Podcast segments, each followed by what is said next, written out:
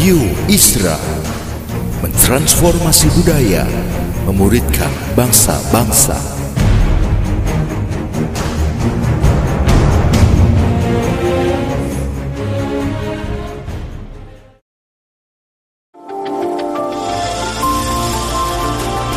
Voice of Pradaim menyuarakan paradigma kebenaran firman Tuhan yang esensi untuk memperlengkapi Anda menggenapi misi dan panggilan ilahi. Selamat mendengarkan.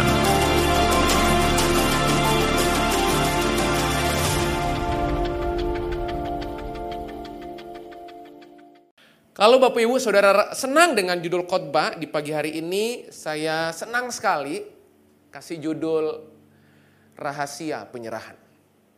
Oke. Pagi hari ini saya tahu mendengar kata penyerahan itu sesuatu yang kadang-kadang bahkan terbanyak dari kita kita nggak suka. Setuju? Setuju ya? Berapa banyak saudara yang hari ini hadir di tempat ini, saudara berkata gini, lebih enak menyerahkan daripada menerima. Nggak ada. Setuju? Secara naluriah, secara alamiah, pada dasarnya setiap manusia lebih senang mendapatkan sesuatu daripada dia melepaskan sesuatu. Nah, sementara dari perspektif firman, sementara dari kebenaran, dari kacamata Tuhan, justru apa yang saudara pertahankan akan segera hilang. Apa saja dalam kehidupan ini yang coba saudara pegang, saudara hold lebih lama, saudara pasti secepat itu pun saudara akan kehilangannya. Jadi selama apa saudara memegang, secepat itu akan hilang. Setuju sampai sini? Nah, makanya pagi hari ini kita akan sama-sama lihat. Apa rahasia dari penyerahan? Apa rahasia dari apa yang saudara mau serahkan kepada Tuhan? Beberapa dari saudara pagi hari ini datang, saudara lagi ngotot mempertahankan sesuatu karena saudara berpikir itu hak saudara. Beberapa dari saudara yang hari ini datang maupun yang lagi di online sementara dengarkan ini, saudara lagi coba ngotot ingin mendapatkan apa yang jadi hak saudara karena saudara berpikir saudara layak mendapatkannya. Sementara di mata Tuhan, saudara bukan layak mendapatkannya. Saudara harusnya layak melepaskannya. Berapa banyak dalam kehidupan kita, kita berpikir kelayakan itu lebih cenderung kepada apa yang bisa saya terima. Apa yang bisa saya dapat. Apa yang saya bisa peroleh. Apa yang bisa saya ambil. Memang saya layak kok menerimanya. Setuju?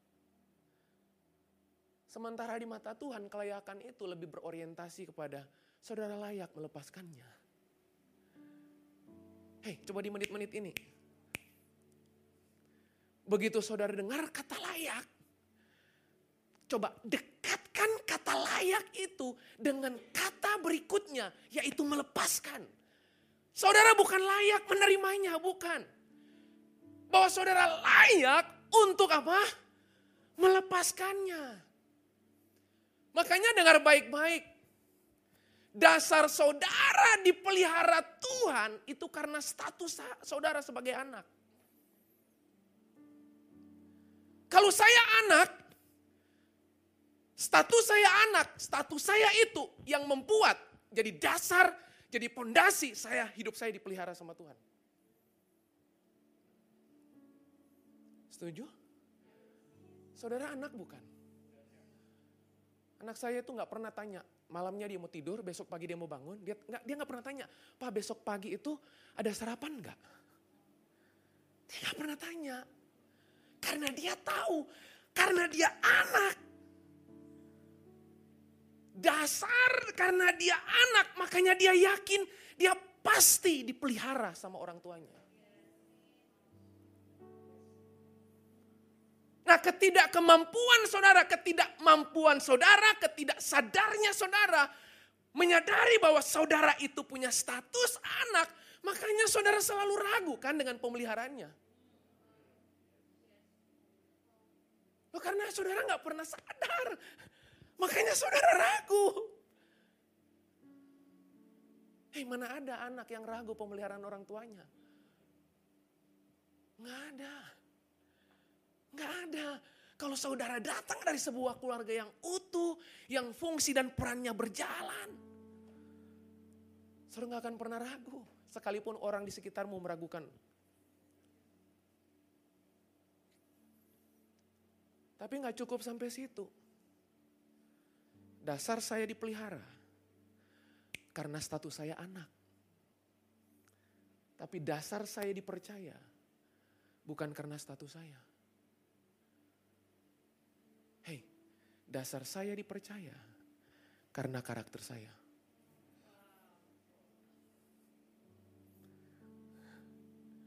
Makanya jangan heran, ada begitu banyak orang percaya, jadi nggak bisa jadi orang yang dapat dipercaya, nggak bisa. Banyak dari kita statusnya orang percaya. Hei, hari ini coba berpindah dari sekedar saudara itu punya status sebagai orang percaya, tapi saudara harus pindah jadi orang yang dapat dipercaya. Itu dua hal yang beda. Tuhan percaya saya, tapi nggak menjamin orang yang akan ketemu saya percaya sama saya. Sekalipun saya bilang, hei status saya Kristen. Hei saya lahir baru tahun sekian. Saya ikut kelas, ngalamin encounter dengan Tuhan. Hei, orang hanya akan percaya saudara kalau saudara punya karakter yang benar. Nah, kenapa saya mau melandasi ini? Sebab ini penting untuk rahasia penyerahan. Kalau saudara sadar status saudara anak, saudara gampang menyerahkan sesuatu. Anak kok, apa yang mesti saya takutkan?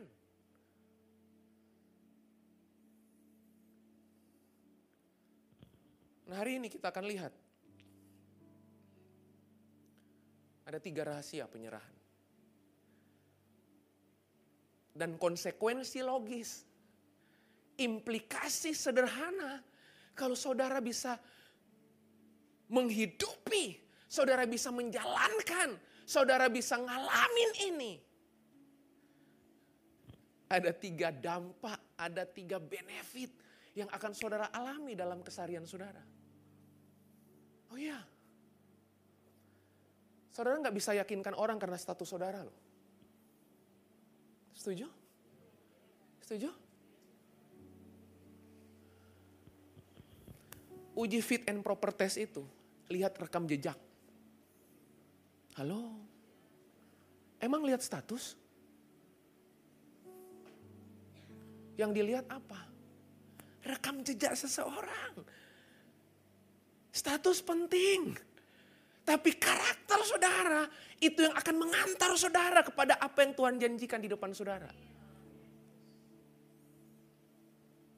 Karena status sebagai anak nggak akan pernah berubah sampai selamanya. Itu kan alasan anak yang hilang pulang. Karena dia tahu anak. Setuju? Nah mari kita lihat dengan cepat ada tiga rahasia. Kalau saudara mau hidup dalam penyerahan. Rahasia kehidupan itu simpel. Rahasia kehidupan itu waktu saudara bisa menyerahkan sesuatu yang saudara yakin itu bukan milik saudara. Kenapa saudara susah menyerahkan? Sederhana kan jawabannya. Karena saudara selalu merasa saudara yang punya. Tapi ada satu kisah di Alkitab. Yang saya akan mengajak saudara, ada tiga hal. Kita lihat sebentar. Kejadian pasal 22.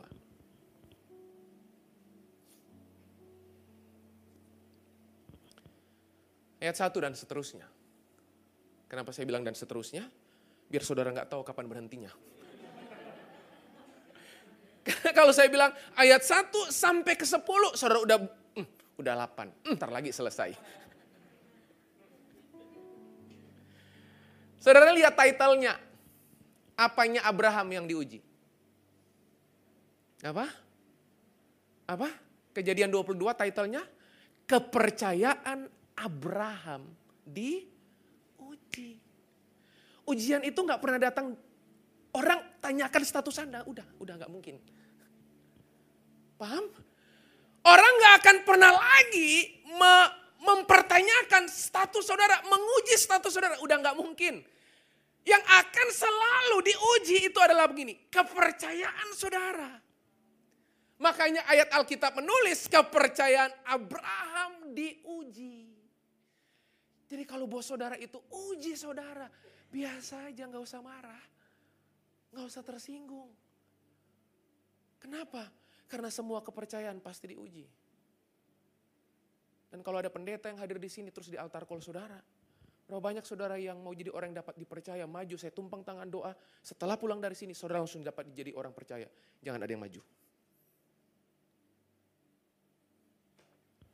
Jangan ada yang maju. Paham? Kenapa? Karena kepercayaan itu bukan didoakan. Bukan. Kepercayaan itu diuji. Clear? Nah perhatikan ayat pertama. Setelah semuanya itu Allah mencoba Abraham. Yang cobain Abraham siapa? Allah. Yang coba Abraham siapa? Allah. Itu tolong di highlight ya. Yang coba saudara siapa? Allah. Ia berfirman kepadanya, Abraham. Lalu sahutnya, ya Tuhan. Bukan, ya Tuhan.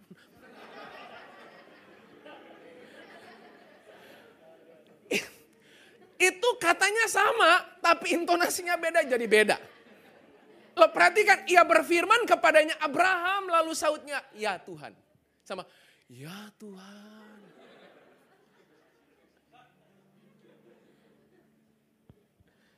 Perhatikan ayat kedua. Ayat kedua. Firmannya, ambillah anakmu yang tunggal itu. Tuhan itu kalau minta, nggak pernah jenderal, nggak pernah. Abraham kan punya dua anak hari itu. Tuhan itu kalau minta, nah itu lihat setiap kali saudara natap saya, itu berarti Tuhan lagi minta sesuatu. Firmannya, ambillah anakmu. Itu bukan anak yang mana. Enggak, yang tunggal itu yang ih, pendefinisian Tuhan itu jelas banget ya. Benar loh. Tuhan kalau minta sesuatu itu spesifik. Presisi. Akurasi. Jadi jangan pura-pura nggak tahu yang mana. Benar Tuhan. Yang mana? Jangan teman-teman ya.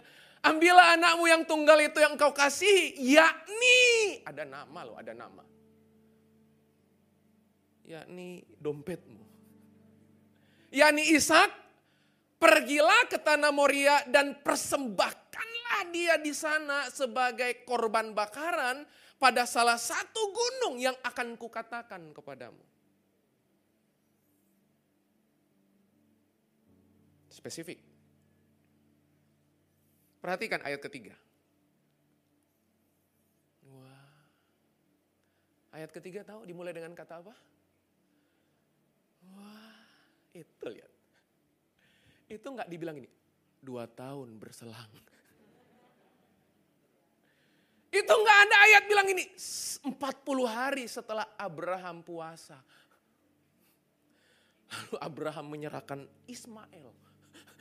Udah puasa kasihnya Ismail lagi. Terus alasannya tahu nggak Pak? Udah untung gua kasih.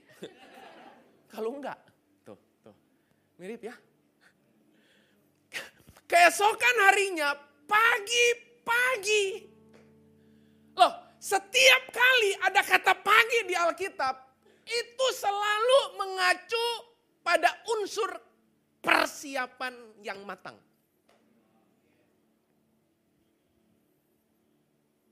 Dan Alkitab mencatat pagi-pagi bangunlah Abraham. Dan lihat, ia memasang pelana keledainya dan memanggil dua orang bujangnya beserta Ishak anaknya. Ia membelah juga kayu untuk korban bakaran itu lalu berangkatlah ia dan pergi ke tempat yang dikatakan Allah kepadanya. Yang pertama,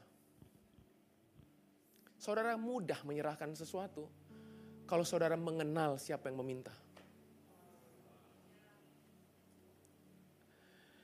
Jadi ada hubungan antara penyerahan dan pengenalan. Ada kaitan antara penyerahan dan pengenalan saudara kepada pribadi yang minta kepada saudara. Makanya gini, tanda utama orang yang mengenal Tuhan gampang memberi. Gampang sekali itu, gampang. Saya ragu tuh, saya kritisi tuh dari mimbar ini. Kalau saudara begini, eh, Kak Jeff, gila, saya tuh, aduh, saya tuh kenal Tuhan loh. Saking kenalnya saya sama Tuhan. So, semua title Jehovah saya hafal. Tuh, coba, Jehovah apa? Saya hafal. Sampai tutup dua berkat, semua nama Jehovah disebutkan.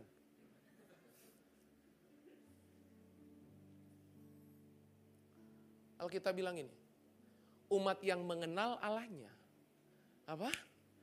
Akan tetap kuat. Hei, tanda utama umat yang kenal Tuhan bukan cuman kuat. Bukan ada kata berikutnya yang disandingkan dengan kata tetap kuat yaitu bertindak. Kristen hari ini selalu khotbahnya apa coba?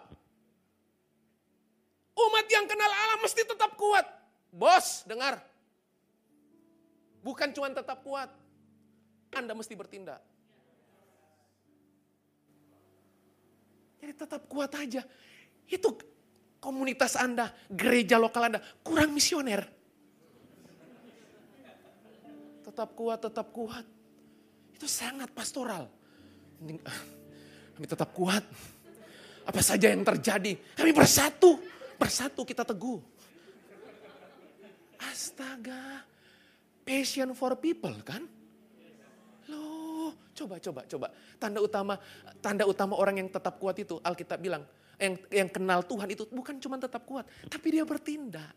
Jadi tindakanmu itu ekspresi dari pengenalanmu. Lo tindakan saudara apa coba hari-hari ini? Kalau cuma duduk diam kayak gini, ah, itu tetap kuat itu. Lo iya, tetap kuat. Buktinya kuat nunggu saya dengerin khotbah kan. Itu minimal letak kekuatan saudara.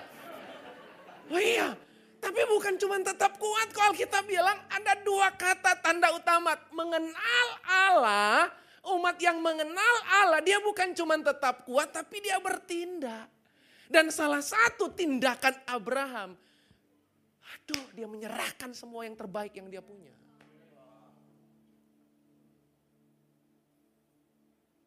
Harusnya kalau saudara berdoa, Saudara itu bisa berdoa sampai di titik kesadaran gini. Minta apa pun, saya kasih Tuhan. Saya tahu, susah kan doa kayak gitu? Karena nggak kenal. Karena nggak kenal. Oke, coba ayat yang lain ya. Ibrani 11 ayat ke-8.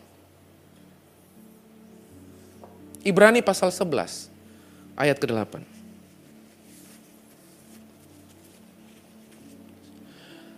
Nah, perhatikan. Karena iman Abraham lo tahu tanda utama orang yang punya iman kepada pribadi yang dia kenali dia taat Karena iman Abraham taat. Jadi seluruh bentuk tindakan saudara dalam hal ini penyerahan saudara melepaskan sesuatu, penyerahan selalu dimulai, selalu penyerahan ditandai, penyerahan selalu dipicu, penyerahan selalu dipacu oleh yang namanya pengenalan.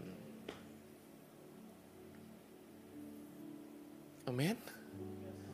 Jadi harusnya, kalau saudara tanya, Jeff, tanda utama saya kenal Tuhan apa? Saudara gampang menyerahkan sesuatu.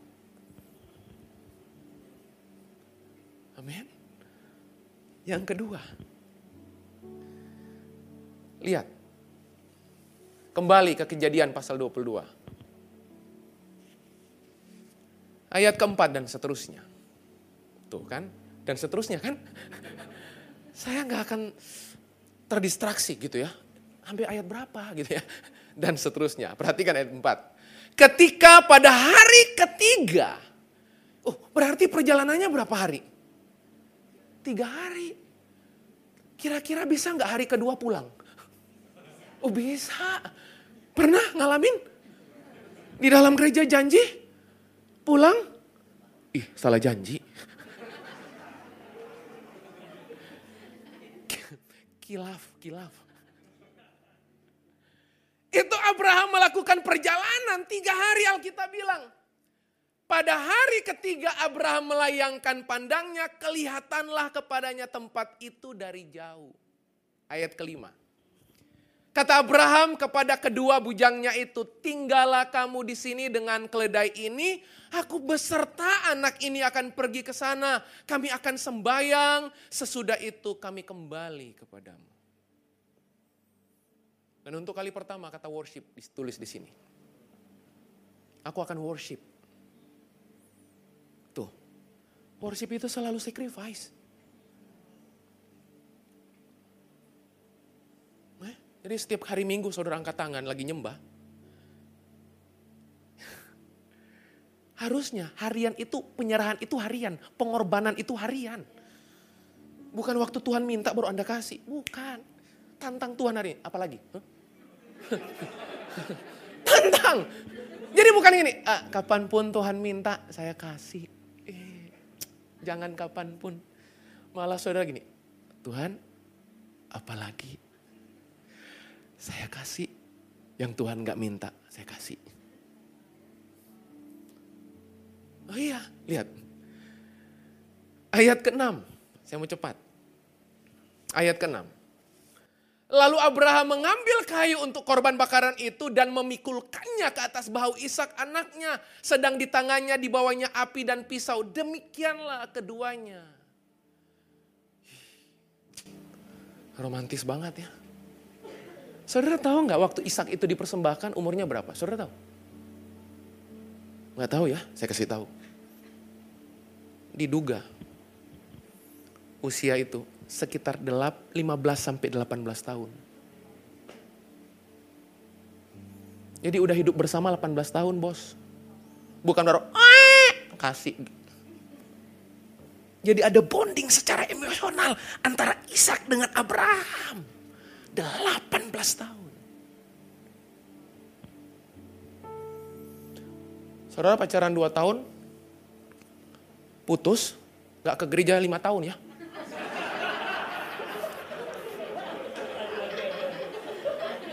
Benar ya? Terus saudara salahkan siapa? Ini gara-gara Pastor David. ya. Coba. Ini gara-gara gembala homesel saya. Ayat ketujuh. Lalu berkatalah Ishak kepada Abraham. Ayahnya, Bapak, tuh lihat. Sahut Abraham, ya anakku. Orang itu, saya mau tembak ke beberapa hal dulu. Orang itu kalau dia sopan sama Tuhan, dia pasti sopan sama anaknya. Waktu Tuhan panggil ayat pertama, bukan, ya Tuhan. Bukan, baca ayatnya, baca. Saya tuh suka, kalau renungin firman itu saya suka, ada tiga cara merenungkan firman. Nah, nanti ya, nggak usah sekarang. Supaya jadi rema gitu ya. Sahut Abraham, ya anakku. Bertanyalah Ishak, di sini sudah ada api dan kayu, tetapi di manakah anak domba untuk korban bakaran itu? Saudara kalau saudara jadi papa, Saudara ini, ini ini proses perjalanan yang penuh tekanan loh. Wah, itu saya tahu, saya yakin banget. Itu Abraham nyanyi lagu, lagu-lagu yang melankoli semua. Ya, dia jalan gitu. Karena dia mau serahkan sesuatu. Ishak nanya, nanya. Dad, semuanya udah ada, Dad. Tersedia. Ayo coba, mana? Mana kambing dombanya mana? Mana anak domba mana? Abraham gak pernah bilang ini. Bisa diam gak sih? Papa lagi stres tahu. Si itu nggak ngalamin ya. Ini udah kerja banting tulang tiba-tiba diminta. Hmm. lihat ayat ke-8, lihat. Sahut Abraham, saya suka banget. Allah yang akan menyediakan. Oh. Penyerahan terkait dengan pengenalan pertama. Yang kedua, penyerahan terkait dengan penyediaan. Makanya pantas saudara yang gak pernah menyerahkan sesuatu buat Tuhan, jangan minta penyediaan. Baca Alkitab Anda, penyediaan selalu datang dari tindakan penyerahan. Ya, ganti doa-doamu. Tuhan, tolong please, please lah, tolonglah gitu. Saudara baca ayat ini. Tuhan baru menyediakan sesuatu buat Abraham. Karena Abraham menyerahkan terlebih dahulu sesuatu. Baca ayatnya, Allah yang akan menyediakan anak domba untuk korban baginya. Anakku, oh ditulis lagi loh. Demikianlah keduanya berjalan bersama-sama. Ada. Sembilan. Sampailah mereka ke tempat yang dikatakan Allah kepadanya. Lalu Abraham mendirikan mesbah di situ. Loh. Itu masih sadar Tuhan loh. Kalau kita ngomel minta ampun. Itu Abraham mau ngasih sesuatu. Tuhanlah yang empunya otoritas. Dia mendirikan mesbah di situ, disusun nyala kayu. Ini, ini. Diikatnya Ishak anaknya itu dan Ishak meronta-ronta ingin membebaskan diri. Ada ayatnya, ada. Ada. Itu kan Anda dan saya.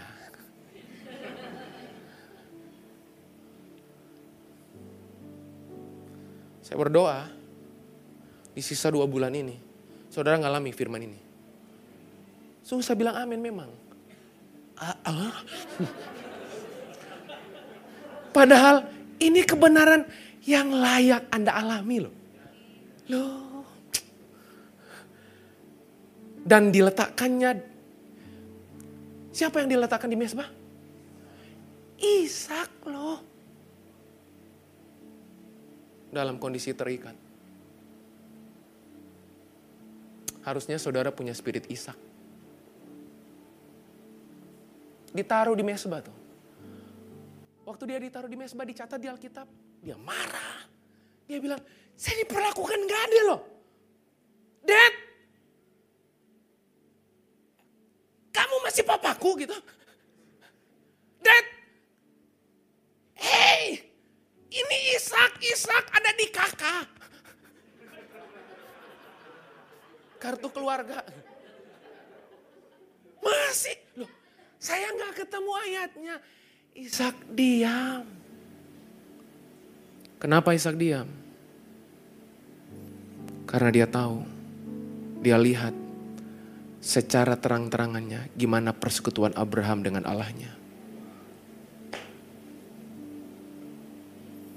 Ya.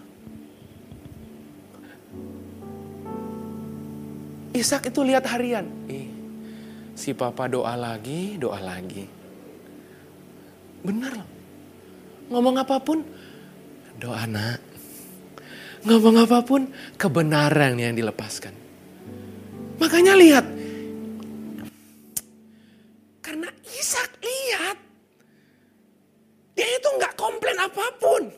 Karena dia tahu apa yang dilakukan ayahnya itu lahir didorong oleh kepentingan Tuhan di dalamnya.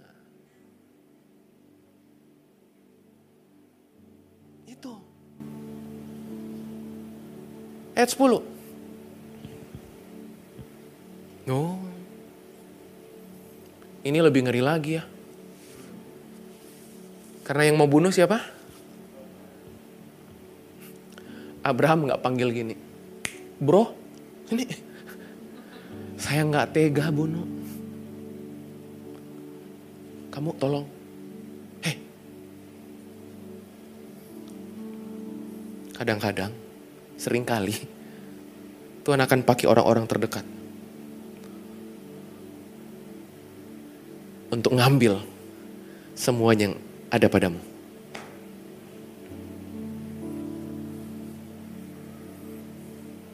Supaya tahu rasa sakitnya itu gimana.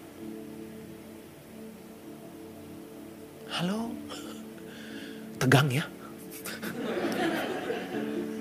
Benar ya? Kalau orang yang lain yang ambil, ah, cepat saudara lupakan kan? Itu tiba-tiba orang duduk di sampingmu ini loh.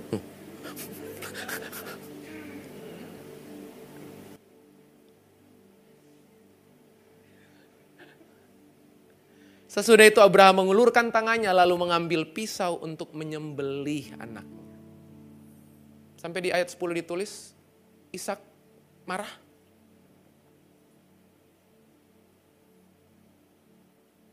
Enggak. Ayat 11. Tetapi berserulah malaikat Tuhan dari langit kepadanya. Abraham, Abraham. Sahutnya, mau apa lagi? Itu kita. Benar ya? Benar kok. Apalagi aduh. Tuh, tuh lihat jawabnya. Ya Tuhan. Pondasi pengenalanmu harusnya jawabannya kayak gini. Ya, apalagi Tuhan. Tuhan, saya dengar Tuhan. Bicara Tuhan. Itu. Ayat 12. Lalu ia berfirman, jangan bunuh anak itu dan jangan kau apa-apakan dia. Sebab telah ku ketahui sekarang. Sebab telah ku ketahui sekarang bahwa engkau takut akan Allah dan engkau tidak segan-segan untuk menyerahkan anakmu yang tunggal kepadaku. Ayat 13. Ayat 13. Lalu Abraham menoleh dan melihat seekor domba jantan di belakangnya yang tanduknya tersangkut dalam belukar. Abraham mengambil domba itu lalu mengorbankannya sebagai korban bakaran pengganti anaknya. Ayat 14. Dan Abraham menamai tempat itu. Tuhan, ini di awal apa di akhir? Di akhir. Setelah ada penyerahan, baru ada penyediaan. Jadi jangan suka doa, Tuhan, Engkau Jehovah Jireh. Sampai rehnya itu loh, receh. Engkau Jehovah Jireh. Ceh.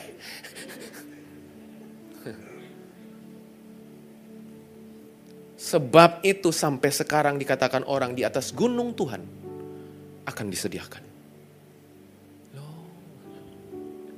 penyerahan terkait dengan penyediaan. Yang terakhir. Saya mau ngajak saudara lihat Filipi pasal 2 ayat 5 sampai 11. Ayat 5 sampai 11 perhatikan. Hendaklah kamu dalam hidupmu bersama menaruh pikiran dan perasaan yang terdapat juga dalam Kristus Yesus. Saudara susah jadi serupa Kristus dalam karakter karaktermu kalau saudara nggak pernah hidup bersama. Makanya ikut home Saudara pikir, saudara, saudara bisa hidup bersama itu dengan nyanyi, ku mau sepertimu Yesus gitu. gitu nyanyi gitu. Loh, hendaklah kamu dalam hidupmu bersama menaruh pikiran dan perasaan yang terdapat juga dalam Kristus Yesus. Saudara baru akan bisa jadi serupa, segambar dengan Kristus kalau saudara terbiasa dalam hidup dalam kebersamaan tuh. Ya. Ya, gaya hidup iblis itu. Gini, Tuhan latih kita, Tuhan minta kita itu solider. Bukan soliter. Makanya lihat orang-orang yang ah Homsel nggak penting. Hati-hati tuh itu Anda lagi memperagakan gaya hidup Lucifer. Benar. Benar. Saudara harus bangun gaya hidup itu. Kalau nggak percaya, lihat aja. Saudara nggak tangguh. Perhatikan ayat ke-6. Saya mau tutup. Yang walaupun dalam rupa Allah tidak menganggap kesetaraan dengan Allah itu sebagai milik yang harus dipertahankan. Ayat 7 melainkan telah mengosongkan dirinya sendiri dan mengambil rupa seorang hamba dan menjadi sama dengan manusia. Oke? Okay? Ayat ke-8. Dan dalam keadaan sebagai manusia ia telah merendahkan dirinya dan taat sampai mati bahkan sampai mati di kayu salib. Sembilan. Itulah sebabnya, wow. Kita paling suka ayat sembilan ya. Sampai kecanduan ayat 9. Kalau ayat 9 gak terjadi sakau. Itulah sebabnya Allah sangat meninggikan dia dan mengaruniakan kepadanya nama di atas segala nama. Loh, saudara akan terima ayat 9 kalau saudara praktek ayat 5 sampai 8. Ayat 5 sampai 8 itu apa? Penyerahan. Sebab di balik penyerahan ada peninggian. Oke. Di balik penyerahan selalu ada peninggian. Makanya orang yang gagal terus bukan karena Tuhan gak kepingin Anda berhasil, bukan. Saudara kurang rendah hati. Itu aja. Oke? Okay? Hei, dengar baik-baik. Kesuksesan akan sangat berbahaya. Kalau saudara nggak siap untuk menjadi hamba atas keberhasilan saudara. Sebab waktu saudara sukses, saudara berhasil, keberhasilan itu justru akan permalukan saudara, bukan permuliakan saudara. Kenapa? Karena persoalan yang di sini. Paham pagi hari ini? Jadi, yang pertama, rahasia penyerahan itu datang dari pengenalan. Yang kedua, rahasia penyerahan itu mendapatkan penyediaan. Dan rahasia dari penyerahan itu memperoleh peninggian. Makanya coba lihat di Alkitab, orang yang terbiasa menyerahkan sesuatu dapat kelimpahan kepercayaan. Itu saya mau tekankan. Itu tok khotbah saya. Ya, saya ulang ya. Saya ulang. Orang yang punya gaya hidup, orang yang punya perilaku, orang yang punya standar kehidupan, gampang menyerahkan sesuatu, itu nggak tahu kenapa. Itu dihinggapi oleh kelimpahan kepercayaan dari banyak orang. Saudara mau dipercaya? Bukan doa, toh Tuhan. Aku mau jadi orang yang dapat dipercaya. Bukan. Itu Tuhan udah dari dulu pinginnya kayak gitu. Bukan. Tapi coba saudara belajar menyerahkan sesuatu. Oke? Dalam hal apa? Visi gereja itu loh ada. Libatkan diri. Libatkan diri. All out di situ. Live in di visi gereja. Pesan-pesan dari mimbar ini oleh para pembicara yang Tuhan taruh firmannya. Libatkan diri di situ, libatkan. Sebab kalau saudara melakukannya, saudara akan aman. Saudara akan aman. Di area karakter Anda aman. Di area akuntabilitas partner Anda punya. Apalagi di area gaya hidup. Ih, orang ketemu saudara itu, ih gila, Yesus ke Anda? Gitu. Gitu. Jadi bukan, ampun. Oke teman-teman? Clear? Ih, saya senang banget cara saudara natap saya. Udah ya? Udah. Saya selesai.